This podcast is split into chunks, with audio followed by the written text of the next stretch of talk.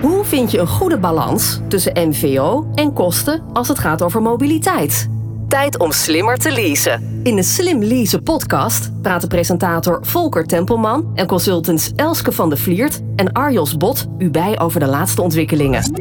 Welkom bij de Slim Leasen podcast. Deel 53 van de Slim Leasen podcast. Elske en Arjos, welkom. Dankjewel Volker. Dankjewel. Luisteraars, jullie ook van harte welkom. We horen graag wat je van de podcast vindt. Als je wilt reageren, dan kan dat heel makkelijk op LinkedIn. Laat van je horen en tag ons gewoon in je bericht. Ons centrale thema is vandaag elektrische deelscooters. We blikken samen terug op de afgelopen twee podcasts. Daarin waren Abdel Boudou, sales manager bij Greenmo, Theo Huidbrechts, business sales manager bij GoSharing en Maarten Poot, co-founder bij Felix, te gast. Arjos, ik mag hem met jou uh, aftrappen en beginnen. Welke rol spelen hun deelplatformen van de mensen die ik net noem uh, in de zakelijke markt voor elektrische deelscooters? Nou, uh, ze spelen zeker een rol. En de tijd zal leren of die nu al heel relevant is of dat het eigenlijk nog maar het begin is. Ik voorspel eigenlijk wel een redelijk mooie toekomst voor ze. Sowieso groeien beide partijen natuurlijk in de afgelopen jaren hard. En als je zegt van hè, we hebben aan de ene kant nu nog COVID, met alles met uh, individuele mobiliteit en vooral niet in de bus of de trein. En de thema's flexibiliteit en duurzaamheid. Ja, als je dat allemaal aan elkaar knoopt, dan komen er een aantal dingen uit, zoals delen en een deel fiets en een deel step, maar zeker ook een deel scooter. Nou, beide aanbieders van deelscooters zullen dat beamen, uh, vertellen ook soortgelijke dingen en ze groeien hard. En de vraag is uh, welke markten het hardst gaan groeien. Maar als je het dan hebt over zakelijk, dan heb ik het iets minder over waar uh, Greenmo zich op richt met de horeca, uh, thuisbezorgd, restaurants, dat soort doelgroep of hotels. Maar de zakelijke markt, dan denk ik meer aan bedrijven gevestigd in een stedelijk gebied. Ja, dat is, daar is nog veel onontgonnen gebied en veel te winnen.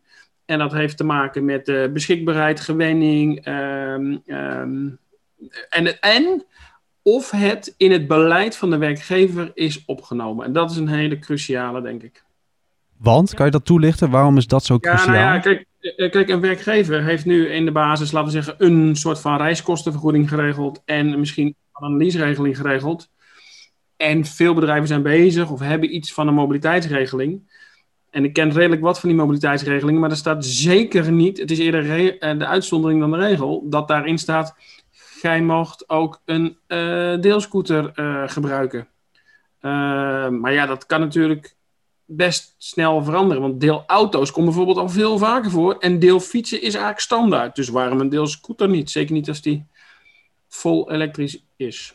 En voordat we er helemaal nog dieper induiken, want daar zijn we heel goed in en daar gaat deze podcast natuurlijk ook echt over. Elske, mag ik uh, aan jou vragen uh, wat eigenlijk uh, in grote lijnen het verschil tussen die drie partijen? Je hebt Greenmo, waar Abdel dan bij betrokken is. Theo zit bij Go Sharing en dan heb je aan de andere kant Felix met de groene deelscooters. Hoe verschillen die eigenlijk van elkaar? Of, en, en hoe, in hoeverre zijn ze misschien ook wel heel erg hetzelfde? Ja, nou, uh, deels is uh, Go Sharing en Felix, die bieden allebei hetzelfde in de zin van gewoon deelscooters, free floating. Je hebt een app, je boekt de scooter, je rijdt er verder op weg. En ik denk dat daar nog best wel, naast dat er nog een hoop potentie zit, best wel vaker zakelijk gereden wordt dan uh, misschien de werkgever doorheeft. Maar in ieder geval dan Go Sharing en Felix doorhebben, omdat ze gewoon een persoon hebben gekoppeld aan die app en niet een bedrijf. Dat is eigenlijk hetzelfde. Nou, en dan heb je nog, um, als je kijkt naar GoSharing en Greenmo. Greenmo is echt de oplossing voor zakelijk, uh, voor bijvoorbeeld uh, bezorgdiensten of de politie. Dus dat zijn specifieke scooters die daar ook voor gebouwd zijn om dat type werk te kunnen doen. Nou, die zetten gewoon dat soort um, uh, scooterparken eigenlijk bij ondernemers, bij bedrijven neer om te gebruiken. heel dedicated. En dan heb je uh, Beat Felix ook nog veel meer voor zeg maar, kantoorpersoneel uh, de optie aan om ook inderdaad een pool van scooters te leasen. Ja, dan, dan is het eigenlijk niet heel anders wat dat betreft dan een leaseauto. Uh, want je hebt gewoon die scooters staan. Ja, ik zeg leaseauto, eigenlijk meer de poolauto. Mm -hmm. Daar moet je het dan mee vergelijken. Die staat dan bij het bedrijf uh, op, bij kantoor en daar kunnen de medewerkers dan gebruik van maken. En ehm, ja, dat, is eigenlijk, dat zijn de verschillende overeenkomsten. En misschien nog even aanvullend, voor de mensen die dat misschien niet helemaal scherp hebben. Maar ze kiezen dus allemaal voor de elektrische scooter, want daar zit de toekomst. Ja. Hetzelfde geldt natuurlijk voor de elektrische auto, dat is de toekomst. En ze kiezen allebei voor een oplossing waarbij je niet met een laadkabel een scooter gaat opladen. Ze kiezen allebei voor een oplossing waarbij men de accu's er wisselt. Dat is eigenlijk in één woord. Accu's wisselen. Dat is wat ze doen. En dat zie je bijvoorbeeld niet bij auto's. Uh, maar in dit geval dus duidelijk wel. De scooter is degene die, die flexibiliteit komt door het wisselen van de accu's. Ik denk dat als je gewoon een poeltje scooters op de zaak hebt staan, dan kun je ze gewoon opladen. Maar inderdaad, die free floating optie, die, uh, die heeft wisselaccu. Dit is de Slim Lease podcast met Volker Tempelman, Elske van de Vliert en Arjos Bot. Elske, zie jij ook nog toekomst voor uh, andere opties dan die free floating optie? Dat mensen dus wel nog veel meer een eigen deelscooter hebben, die je dus ook zelf moet opladen? Ja, nou, nee. Want uh, hè, dan, zou je, dan zou je een parallel kunnen trekken bijvoorbeeld met uh, deelauto's in de zin van dat je platformen hebt om je eigen auto te delen. Hè. Dat, dat kan natuurlijk wel. Um, maar nou, wij hebben onderzoek gedaan voor de gemeente Amersfoort naar elektrische scooters. En welke particulieren zouden daar ook uh, in geïnteresseerd zijn om uh, mee te gaan rijden. En welke bedrijven zouden daar geïnteresseerd zijn om mee te gaan rijden. En wat je bij die particulieren ziet, is dat uh, er best wel een hoop zijn die op zich een deelscooter ook wel interessant vinden. Maar de mensen die nu een gewone benzinescooter hebben, die hebben hem met een heel speciaal doel. Bijvoorbeeld elke dag uh, naar het uh, werk rijden. Um, en, en dan ook wel uh, ja, heel vaak echt elke dag. En dan krijg je dus hetzelfde als met die. Uh, met de deelauto. Je moet eigenlijk een auto hebben die je heel vaak stil hebt staan. Waarvan je het dan handig vindt dat je hem ook eens kunt delen met buren mm -hmm. of nou ja, mensen uh, die je niet kent. Uh, en wij zagen wel dat, die, uh, dat daar gewoon een heleboel mensen zitten die er ja, best wel van afhankelijk zijn. Ook van die scooter om überhaupt naar het werk te komen. Omdat ze niet eens gewoon een auto hebben. Toevallig ook gevraagd of die mensen het overwegen om hun ouderwetse scooter in te wisselen voor een elektrische? Ja, dat zeker weten. Daar ging deel van het onderzoek heel duidelijk over. En wat we daar zagen was dat ze nogal tegen de aanschafprijzen aanhikken. Uh, en dat hebben we ook gehoord. Hè? De GoSharing die bijvoorbeeld zegt van nou ja, onze gewone scooter is 2.500 euro al. En onze luxe scooters die kosten ons 4.000 euro. Ja. Um, maar, maar, wat je wel ziet, een hele mooie, gewoon nieuwe, goede benzinescooter is ook niet goedkoop. Dus je komt dan op het feit dat het zoveel goedkoper is om die scooter te rijden. Um, zodat het dus wel uit kan, net als met een elektrische auto uiteindelijk. Maar je ziet bij die, juist bij die scooters ook wel mensen die gewoon voor 100, 200, 300 euro een scootertje kopen. Ja, Hè? ja die, dat is ook een hele grote markt. En die, uh, die krijg je misschien nog wel eerder op de deelscooter dan op een uh, zelfgekochte elektrische scooter. Wat is het zoveel goedkoper dan, elektrisch rijden op de scooter? Ja, uit mijn hoofd zeg ik uh, dat je voor 50 kilometer per week uh, 13,5 euro aan stroom kwijt bent in plaats van bijna 100 euro aan benzine. Kijk eens aan, dus dat jaar. scheelt veel. Kan je ook nog subsidie krijgen voor de aanschaf van een uh, elektrische scooter, weet je dat?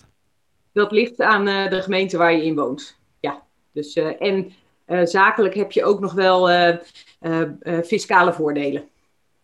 Oké, okay, interessant, interessant. Arjos? Ja. Ja, wat ik ook heel uh, een leuke vond uit de propositie van Felix, is dat zij de scooter dus niet als een alternatief zien voor de fiets. Maar ja. Ja. echt alleen als alternatief voor de auto. Uh, ook rekening houden natuurlijk met de openbare ruimte en de plek die een scooter op inneemt, dan wel een fiets, dan wel een auto. Maar ik vond het wel, een, ja, vind het wel leuk dat hij het ook gewoon zo zegt. Jongens, ja, wij willen graag dat mensen ook gewoon blijven fietsen. Het is goed voor je. We willen vooral proberen mensen uit, uh, te, te, lokken uit de auto en te verleiden naar de deelscooter. En wat ik dan leuk vond bij GoSharing, is dat zij zo heel expliciet zeiden dat ze die wisselbatterij weer met een elektrische bakfiets aan het rondrijden ja. waren. Dat ja, ik dacht, ook, heel duurzaam. ja. Dit is de Slim Lease podcast. We hebben nu de verhalen gehoord hè, van uh, Greenmo, GoSharing en uh, Felix. Uh, Elske, wat viel jou nou het meest op bij, laten we beginnen met Greenmo? Dat zij uh, heel erg op maat, zeg maar, die scooter leveren voor de klant. Dus echt goed kijken naar, oké, je, bent, uh, je bent een restaurant, je moet bezorgen, wat voor scooter heb je dan nodig? En ook dat ze daar dus in uh, goed nadenken over wat heeft de klant van nu nodig. Dat ze de scooters leasen voor drie maanden. Voor die restaurants die nu echt met de handen in het haar zitten en die denken van, oh, dan moeten we maar gaan bezorgen. Hoe gaan we dat doen? Ja, een scooter, ja, maar die gaan we toch niet kopen, dus dan gaan we maar leasen. Nou, drie maanden, nou, dat is echt heel kort. Dus uh, hè, dat, en dat ze daar dus wel in meedenken, dat ze dus echt heel tailor-made, heel maatwerkgericht uh, voor, de, voor hun klanten nadenken. Arjos, jij hebt ook uh, gelet op het verhaal van Maarten, van Felix. Wat viel jou daarop in zijn verhaal? Nou, ik weet niet zozeer of het zijn verhaal is, maar wat mij vooral opvalt is dat Maarten en Quinten, de twee oprichters, allebei nou ja, een paar jaar geleden, dan hebben we het over drie, vier jaar geleden van de universiteit afkwamen. En gewoon zijn begonnen. En het zijn dus allebei, ja, laten we zeggen, toch maar jonge gasten. Mhm. uh, met een idee, die daarin geloven en ervoor gaan. En, en hun doelgroep, of nee, dat moet ik misschien niet zeggen. Het is misschien niet hun doelgroep, maar wel, als je nou ziet wat hun klanten, wie hun klanten zijn vandaag de dag. Dat zijn ook de jongere mensen. Ze zitten eigenlijk midden. Zij zijn eigenlijk zelf ook hun klant. Qua, qua Ja. levensfase, leeftijd en waar ze wonen en wat ze doen. En, en dus zij hebben, eh, ze staan heel dicht bij hun klant en hebben heel veel ervaring. Want ze waren dus de eerste, zeggen ze, eh, in Nederland met die deelscooters. En die ervaring, ja, die neem je toch mee. Wat dat waard is, dat zal de toekomst uitwijzen. Maar ze hebben hem wel. Veel ervaring dus, maar hun klanten zijn hun eigen eh, groep waar ze eigenlijk eh, Ja. ook zelf toe behoren. Is dat ook meteen dan hun belemmering bij Felix? Dat ze beperkt zijn voorlopig op dit moment in ieder geval nog eh, tot die groep? Nou, dat denk ik eerlijk gezegd niet. Eh, kijk, je moet een beetje, eh, laten we zeggen, eh, hoe moet ik dat zeggen? Je moet ervoor openstaan om op een scooter te gaan zitten. Nou, dat is niet iedereen gegeven. Maar ja, of je nou 50 bent en op een scooter gaat zitten, of je bent 18 en je gaat. Kijk, die, die, dat groeit aan de onderkant, blijft hun populatie ieder jaar hun doelgroep meegroeien. Ja. Ik zie dat eigenlijk niet echt als een belemmering. Nee. En ze geven scooterrijles, hè? Dat vond ik ook een mooi eh, Dat detail. vond ik ook een heel interessant. Ik- we hebben onvoldoende doorgevraagd hoe ze dat dan doen. Of ze dan achterop gaan zitten, wat ik me eigenlijk niet kan voorstellen. Maar, eh, eh, of dat ze het in die simulator doen. Volgens mij ook niet. Maar ja, ik vond het wel interessant, ja. Ja, zeker. Want ik, ik denk dat heel veel mensen ervan uitgaan dat ze prima op een sco- scooter kunnen rijden. Maar ja, het is winter, het is nat, het is glad. Zo'n scooter is best zwaar. Ik zou persoonlijk best een paar lesjes willen meepakken. Wie weet steek je er nog iets van op wat je, wat je niet verwacht. Ja, ik, ik, ja, ik zou zelf... Ik, ik, had het, ik probeer me in te leven hoe dat bij mij zou zijn. En ik heb natuurlijk ook ooit één keer op zo'n stepje voor de eerste keer gestaan. In eh, het buitenland. En dat was ook... Dat je dacht van, oké, hoe werkt dat? Nou, dat had ik dan wel al uitgedokterd. En dan ga je erop staan en dan draai je aan zo'n hendeltje. En dan Ja. schiet dat ding op. zoals ik net. En dan ben ik daar nog wel enigszins in begaan. Maar ik denk, nou... Dat is toch wel grappig. Dat maar gaat best hard. dat zo eh, leuk vindt, dat is maar de vraag. Ja. Volgens mij had eh, Maarten of Theo het ook over. Sommige mensen gaan erop zitten vanwege sentiment. En eh, dat zou voor mij dus gelden. Ik heb vroeger heel veel brommen gereden. En ik zou echt denken van, oh ja, weer even lekker, eh, lekker op de scooter. Hè? Lekker ouderwet, ja, maar dan nu elektrisch. Arjos, ik vroeg net aan jou over die beperking. Hè? Is dat een beperking voor Felix dat ze in hun eigen doelgroep zitten? Jij denkt van niet. Eh, aan de andere kant, eh, Elske, hebben we GoSharing. Die zijn al echt wijd vertakt. Zitten dan niet in Amsterdam waar Felix weer wel zit. Maar dat is een ander verhaal. gaat over vergunningen. Eh, denk je dat zij een nu al bredere markt aanspreken met GoSharing dan Felix? En dus harder kunnen groeien? Nee, ik denk dat het daar niet zozeer in zit als je naar de Nederlandse markt kijkt. Zeg maar. Ik denk niet dat hun propositie dusdanig anders is dat ze daarmee een andere doelgroep ook makkelijk bereiken. Kijk, wat hun grote voordeel is, is dat ze gewoon al, en ook dus in Europa, eh, van die punten hadden voor Grimo. En dus ook relatief gezien makkelijk deelmobiliteit eh, kunnen uitrollen. En misschien zien we wel dat in eh, Oostenrijk toch een andere populatie wordt aangesproken. Maar ehm, ik denk in Nederland, en zeker zolang ze zich ook allebei echt wel blijven richten op die stad, en dat doen ze natuurlijk, Mhm. en dan, dan, dan heb je gewoon een bepaald type populatie daarbinnen. Eh, en, en om heel eerlijk te zijn, hè, de, de 55-plusser in Amsterdam is echt een hele andere 55-plusser dan hier in uh, Woudenberg, om maar wat te noemen. Hè, dus gemiddeld genomen, hè, ik wil niet alle 55-plussers over één kam scheren, maar daar zit het hem natuurlijk veel meer in. Dus uh, uh, ik denk wat dat betreft dat ze gewoon uh, dezelfde populatie aanspreken. Dit is de Slim Lease podcast. Ja, ik wil hem nog wel even uh, zeg maar, doortrekken naar onze luisteraars en naar, onze, naar ja, de, de zakelijke gebruiker. Mijn conclusie is eigenlijk dat je met beide partijen in zee kunt gaan. Uh, ze concurreren elkaar op sommige plaatsen in Nederland, maar ook op sommige pla heel veel plaatsen zul, je maar één van de twee vinden. Uh, maar ik heb bij beide het idee dat ze een prima dienst kunnen leveren, zeg maar. Waar je als werkgever niet uh, een buil aan kunt vallen. Ik ben benieuwd of jullie het anders zien. Nee, dat zie ik ook zo. En ik denk voor de zakelijke gebruiker, voor de, zeker als wagenparkbeheerder, uh, en het kwam ook al even voorbij, dat je veel meer naar een MAAS, hè, Mobility as a Service oplossing gaat, waar deze twee partijen en dan ook nog de andere deelscooters gewoon in zitten. En dat je daarmee gewoon in heel Nederland lekker gebruik kunt maken van die deelmobiliteit. Dat dat het makkelijkste is. Want als je en met check en met GoSharing en met Felix weer een uh, contractje af moet sluiten, dan is het administratieve uh, meerwerk. Ja. Eén Maas-app en uh, hoppa, klaar ermee. Maar, dan, maar verder inderdaad, ja, het is gewoon en-en, want dan heb je ook gewoon de beste dekking voor je medewerkers. Ja, dat is waar. Mobility as a service is natuurlijk iets waar we het veel vaker over hebben gehad in de podcast. Elske, wat, ja, wat weerhoudt ons, en dan is ons uh, ongeveer de hele samenleving er nog van, om dat niet gewoon al te hebben? Waarom is dat er nog niet zo? Nou, het is er nog niet zo, omdat de pilots die nu draaien, hè, die moeten niet voor niks gedraaid worden. Want apps moeten gewoon nog ontwikkeld worden. En, en er zijn uh, apps die zijn al heel ver en er zijn apps die zijn nog niet zo ver. En er zijn aanbieders die zitten al wel op alle platforms en er zijn aanbieders die willen nog niet zo hard. Dus het is eigenlijk is het gewoon nog heel nieuw. Hoe, hoe vaak wij het er ook over hebben, is het nog best nieuw. Uh, dat je gewoon nog niet alles helemaal in Nederland in één zo'n app hebt zitten. Maar dat gaat wel komen, en zeker omdat de nationale overheid ook die pilots heeft uitgerold. Dus, uh... Ja, en er speelt ook nog wel iets. Ik ben het helemaal eens met wat Elske zegt, hè, en er speelt nog wel iets anders. De mens is natuurlijk ook wel een beetje een gewoontedier. Hè? Dus je moet verleid worden om je gedrag te gaan veranderen.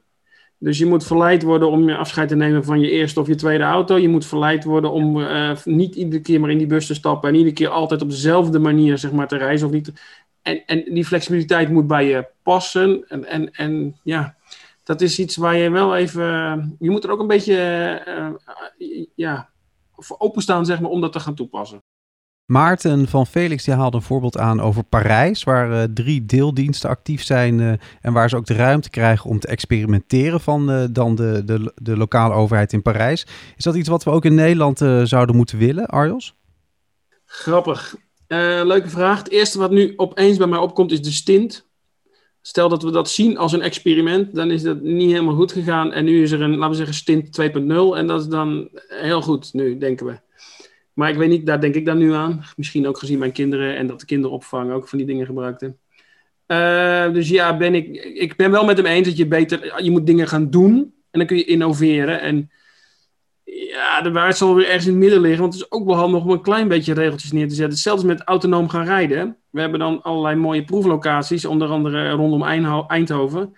Ja, dat is wel een beetje gereguleerd. En dat is niet helemaal zonder reden. Dus ja, ik, nee, ik, sorry, ik blijf een beetje in het midden hangen. Ja, je kan het beide kanten op. Elske, uh, hoe denk jij daarover?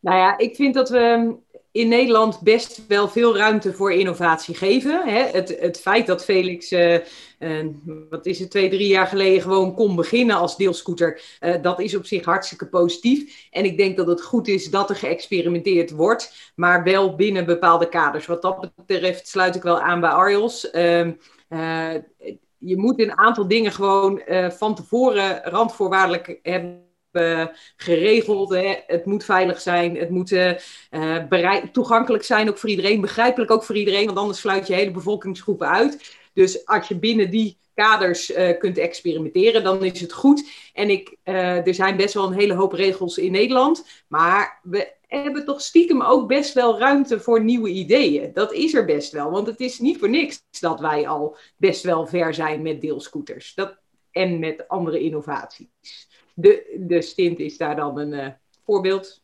van. Alhoewel misschien ongelukkig uitgepakt. Ehm, het was er wel. Dit is de Slim Lease podcast met Volker Tempelman, Elske van de Vliert en Arjos Bot. Maarten gaf al een beetje een voorzetje als je het over de toekomst hebt. Hè. Eh, het moet als mobility as a service worden aangeboden. Hoe kijken zij verder ook naar de toekomst, Elske? Eh, waar gaan deze platforms naartoe? GoSharing zit al in het buitenland. Felix wil dat. Uh, hoe ziet die toekomst eruit? Ja, nou zeker bij GoSharing merkte je van groeien, groeien, groeien. Dat, dat deden ze al in de afgelopen jaren en dat blijven ze doen. En daar hebben ze hele duidelijke doelstellingen voor. Ik merk daar ook gewoon een verschil in type bedrijf. Hè. De Felix is, uh, zijn echt gewoon de jonge mannen zelf die dit doen en die Ehm, ik twijfel er niet aan dat ze financiering hebben, maar die uh, vanuit hun eigen gedrevenheid willen groeien. En ik heb het idee, en ik laat me graag bijpraten als het niet zo is. En maar GoSharing heeft gewoon investeerders die ook een bepaalde groeitermijn um, hanteren, die misschien nog wel wat um, agressiever is dan vast wel ook investeerders in Felix. Hè, die willen natuurlijk ook groei zien. Maar daar zie je wel een verschil. Maar de markt gaat groeien. En uh, lang nog niet alle steden in Nederland hebben deelscooters. Dus uh, er is nog ruimte zat. En nou ja, heel Europa gaat hier aan als het aan die twee partijen ligt, volgens mij. Ja, dan noemen we nog niet eens check in dit verhaal, want die hebben we ook nog niet in de podcast gehad. Maar uh, die zie je bijvoorbeeld in Amsterdam al best veel. De witte scooter, dat is dan weer van PON. Er zit een groot, groot bedrijf zit daarachter, ook dus weer veel geld. Dat is misschien ook wel tekenend hè, voor waar dit naartoe gaat, dat dat echt big business is. Ja, maar dat moet natuurlijk ook wel, want je moet al die scooters financieren. Dus je, je hebt gewoon kapitaal nodig om zoiets, zoiets te beginnen. Hè? Als je zo'n oplossing als waar we het eerder over hadden, van dat je uh, dat je je eigen scooter uit gaat lenen. Ja, de, hè, of met buurauto, zo'n soort concept. Ja, dan kun je kleinschaliger beginnen. Maar voor zoiets is gewoon uh, kapitaal nodig. Tot slot uh, alweer, want we lopen alweer te, richting het einde van deze podcast.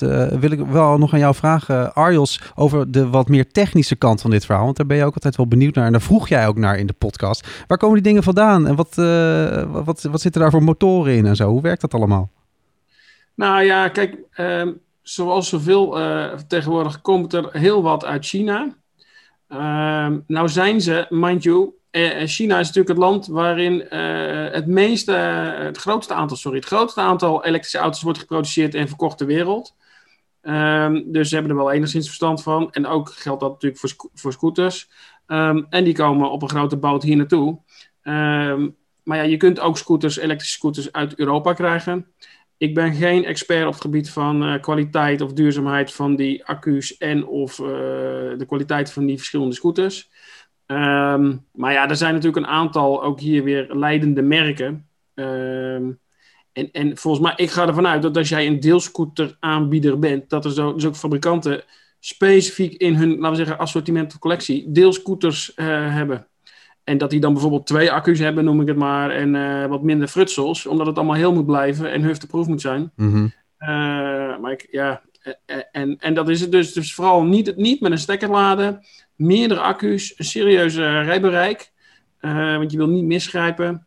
En ja, ze zullen niet zo storingsgevoelig zijn, want ze moeten natuurlijk eigenlijk onder alle omstandigheden doen. Ja, we zeiden het eerder al, maar zo'n scooter kost dus uh, tussen de 2500 euro voor uh, het, uh, het basismodel en dan ja. 4000 voor een wat gepimpte versie. En Abdel vertelde, Abdel van Greenmo vertelde dat er Duitse aanbieders zijn die die dingen verkopen, maar dat de Chinezen eigenlijk best wel goed scoren. Hè? Die, die maken goede producten tegenwoordig. Ja, ik denk dat bij, bij die Chinezen dat het ook weer is, wat, wat koop je? Ik denk dat er een beetje kaf onder het koren zit, maar dat er ook hele goede tussen zullen zitten. En dat geldt ja, sorry dat ik weer die vertaalslag maak, maar dat geldt ook voor e-bikes en dat geldt ook voor andere apparatuur en dat geldt ook voor elektrische auto's. Er zitten hele goedkope tussen en er zitten hele degelijke tussen. Het is ook maar net, laten we zeggen, wat voor concern of bedrijf erachter zit. Tot zover. Dit was deel 53 van de Slim Leasen podcast. We blikten terug op de afgelopen twee podcasts aan de hand van het centrale thema elektrische deelscooters. Elske en Arjos, dank jullie wel. Graag gedaan. Luisteraars, jullie ook bedankt. We vinden het natuurlijk heel erg leuk dat je luistert. En we blijven dan ook graag met jullie in contact. Laat van je horen, bijvoorbeeld op LinkedIn en tag ons in je bericht. Elske, waar ben jij uh, te taggen en te mailen? Nou, ik ben zeker op LinkedIn en op Twitter te vinden. En te mailen kun je mij op vandevliert.0-e.nl. Ik hoor heel graag van je. Arjos, waar kunnen we jou op uh, bereiken? LinkedIn ben ik heel goed te vinden. En ook op, via de e-mail uiteraard arios.bot met een t at arval.nl. Je kan de Slim Leasen podcast terugvinden op slimleasenpodcast.nl en natuurlijk in je eigen favoriete podcast app. Voor nu bedankt voor het luisteren en tot de volgende keer. Tot zover deze aflevering van de Slim Lease podcast. Zorg dat je op de hoogte blijft van alle ontwikkelingen op het gebied van zakelijke mobiliteit en luister ook naar de volgende aflevering.